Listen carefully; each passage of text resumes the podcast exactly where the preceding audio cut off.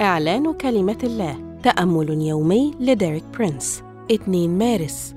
جسدي هيكل للروح القدس. هذا الأسبوع يشرح لنا ديريك برينس أن جسد المؤمن هو هيكل للروح القدس مفدي ومكرس ومقدس بدم يسوع.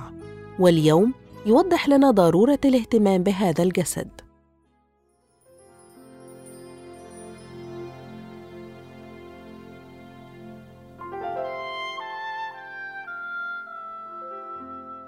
لقد قمت بعمل دراسات عديدة في الكتاب المقدس وقادتني تلك الدراسات إلى بعض الاستنتاجات العملية الخاصة بكيفية الحفاظ على جسد المؤمن. ولا أريد أن أفرضها على أي شخص ولكني أعطيت اهتماما كبيرا لهذا الأمر. وكرست أوقات صلاة من أجله وقررت أن أقوم بأي تغييرات جذرية في أسلوب حياتي إن كان بحسب مشيئة الرب.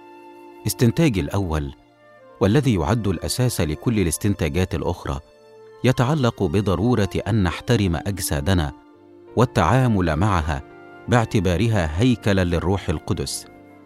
يقول الرسول بولس في كورنثس الأولى ستة العدد تسعة عشر أم لستم تعلمون أن جسدكم هو هيكل للروح القدس الذي فيكم الذي لكم من الله وأنكم لستم لأنفسكم؟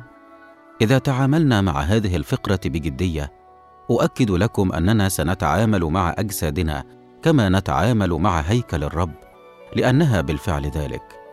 تخيل أن الرب أعطانا مسؤولية هيكل أي بناء مادي بما فيه من أحجار وأخشاب وزجاج. وإذا كنا أشخاصا ملتزمين سنهتم اهتماما كبيرا ليكون هذا البناء دائما نظيفا خاليا من أي تراب بدون نوافذ مكسورة وسنقوم بصيانته باستمرار. سنشعر بمسؤولية رهيبة لكي نحافظ على هيكل الله في أفضل حالاته. فكم بالحري تكون مسؤوليتنا نحن المؤمنين في علاقتنا بأجسادنا التي هي هيكل للروح القدس. نحتاج أن نتعلم كيف نحافظ على أجسادنا. يقول الرسول بولس في رسالة تيموثاوس الثانية واحد العدد سبعة لأن الله لم يعطنا روح الفشل أي روح الخوف بل روح القوة والمحبة والنصح. توضح هذه الآية أن الروح القدس هو روح الانضباط أو التهذيب الذاتي ولكن يوجد توازن دقيق لن يهذبنا الروح القدس ما لم نكن مستعدين لهذا التهذيب.